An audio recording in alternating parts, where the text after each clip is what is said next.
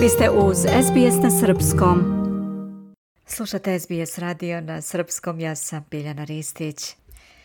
Niška opština Crveni krst u čijoj nadležnosti je i tvrđava naložila je Nišvilu, jazz festivalu, da ukloni sve reklamne eksponate ispred muzeja. Organizatori festivala ocenjuju da opština na taj način umanjuje turističke potencijale grada. O čemu se tačno radi reći će nam naš saradnik iz Niša Nikola Doterović. Da čujemo. Komunalna inspekcija u Nišu je naložila uklanjanje eksponata ispred Nišville Jazz muzeja, jer su prema njihovim rečima označeni kao visokorizični. Među tim eksponatima su klavir za posetioce, kontrabas i saksofon od stiropora i čuvena Volkswagen buba iz 1968. godine, ukrašena likovima brojnih umetnika koji su nastupili na Nišvilu tokom protekle decenije. Blagojević je dodao da je inspekciji zasmetala i montažna stepena stabina koja se nalazi ispred muzeja, pa smo pitali direktora Nišvila za komentar oko cele ove situacije.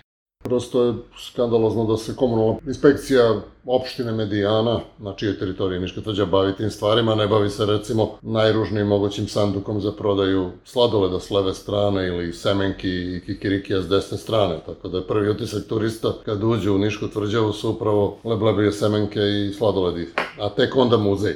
Sve u svemu, mi ćemo prigovoriti o ovome u nadi da će oni povući svoj zahtev, jer smatramo da je ovakvi eksponati pravo bogatstvo za svaki grad i evropske predstavnice, kamoli ovaj, Niš. Znači, Amerika ima mnogo džez muzeja, ali Evropa nema, tako da je ovo opšte oduševljenje svih ljudi, turista koji se evo i danas slikaju ispred Bube, ispred Trabanta. Tu su muzičari do 2015. na Bubi od 2015. do 2021. koji su nastupili na Nišvilu. Zaista su najslikaniji predmeti možda i u celom Nišu.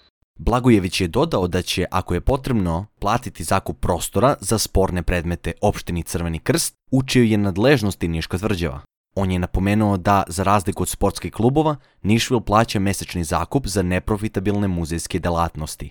Mi smo u situaciji da plaćamo inače zakup za muzej, što svi sportski klubovi ne plaćaju gradu ništa. Niti radnički plaća zakup stadiona, niti košarkaši, rukometaši, odbojkaši plaćaju halu Čajer, niti vaterpolisti bazen. Mi smo takođe udruženje građana koji oni, a mi smo prinuđeni da plaćamo zakup muzeja koji inače nije profitabilan. Naravno da zida troškove i zapošljenih i eksponata i svega toga, ali smo smatrali da je vrlo bitno da ovo bude jedini muzej u Srbiji, a da bude jedan od dva u Evropi. Sam Nišville Jazz muzej takođe ima problem sa propuštanjem vode, koja se nakon svake kiše sliva u sam prostor, pored koridora Miše Blava, te apeluju da grad Niš u saradnji sa Zavodom za zaštitu spomenika kulture Niš saniraju bedem iznad samog muzeja. Članica veća zadužena za kulturu u gradu Nišu, Andrijana Anastasov, je ranije najavila da će lokali u delu tvrđave dobiti ustanove kulture. Takođe, gradonačelnica grada Niša Dragana Sotirovski je naglasila da će zanatlije imati svoj kutak unutar Niške tvrđave, gde će moći da promovišu svoj rad, a da će ih sam grad uvrstiti u turističku ponudu Niša. Kontaktirali smo gradonačelnicu za komentar oko Nišvel Jazz muzeja, međutim, nismo dobili odgovor. Podsjetimo, spoljašnja okolina Niške tvrđave je već promenjena gašenjem cvetne pijace prema glavnoj autobuskoj stanici, kao i premeštanje buvlje pijace sa Jadranske ulice na prostor otvorenog tržnog centra kod mašinske industrije. Međutim, iako je ovaj potez grada bio zbog navodnog sređivanja okoline tvrđave, na parkingu gde je prethodno bila buvlja pijaca su sada parkirani autobusi Niša Ekspresa, bez tablica i sa isteklom registracijom.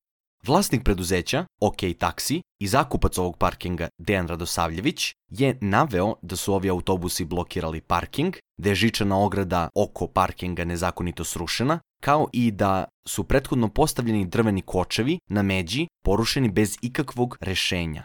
Ivan Blagojević je prethodne godine napomenuo da ukoliko se nastavi ovako loš odnos državnih institucija prema festivalu, postoji šansa da će se on preseliti iz Srbije. Pitali smo ga da li će, zbog ovakvog odnosa prema jazz muzeju, koji je deo Nišvila, selitba biti sledeći korak. Pa ovaj sigurno neće biti, ali ako se dese neki drugi koraci, ovaj, ozbiljno razmišljamo o tome i zato i pregovaramo već duže vreme. Pregovarali smo ovaj, sa susednim državama, postigli smo i dogovor ovaj, Republikom Srpskom, recimo da posle Nišvila radimo Trebinje, sa Sofijom smo razgovarali da pre Nišvila radimo Sofiju, možda to još i Zlatibor je u igri, ali sve to ovaj, prvobitna ideja bila da ovaj to bude izvoz niške kulture. Nikako da u celini preselimo festival ukoliko ne budemo bili primorani, a normalno da je naša ambicija da imamo festival u top 10 Evropske unije, ali ukoliko nemamo podršku grada, države, sponzora već i tako i tako vrlo skromno imamo jer znamo kakvu Niš ima privredu, realno teško je trčati trku uh, Evrolige, a Nišvel u stvari je jedini niški brend koji igra trenutno tu Evroligu, zahvaljujući londonskom Guardianu koji nas je smestio u top 10 Evrolige. Za SBS radio Nikola Doderović. Želite da čujete još priča poput ove? Slušajte nas na Apple Podcast, Google Podcast, Spotify ili odakle god slušate podcast.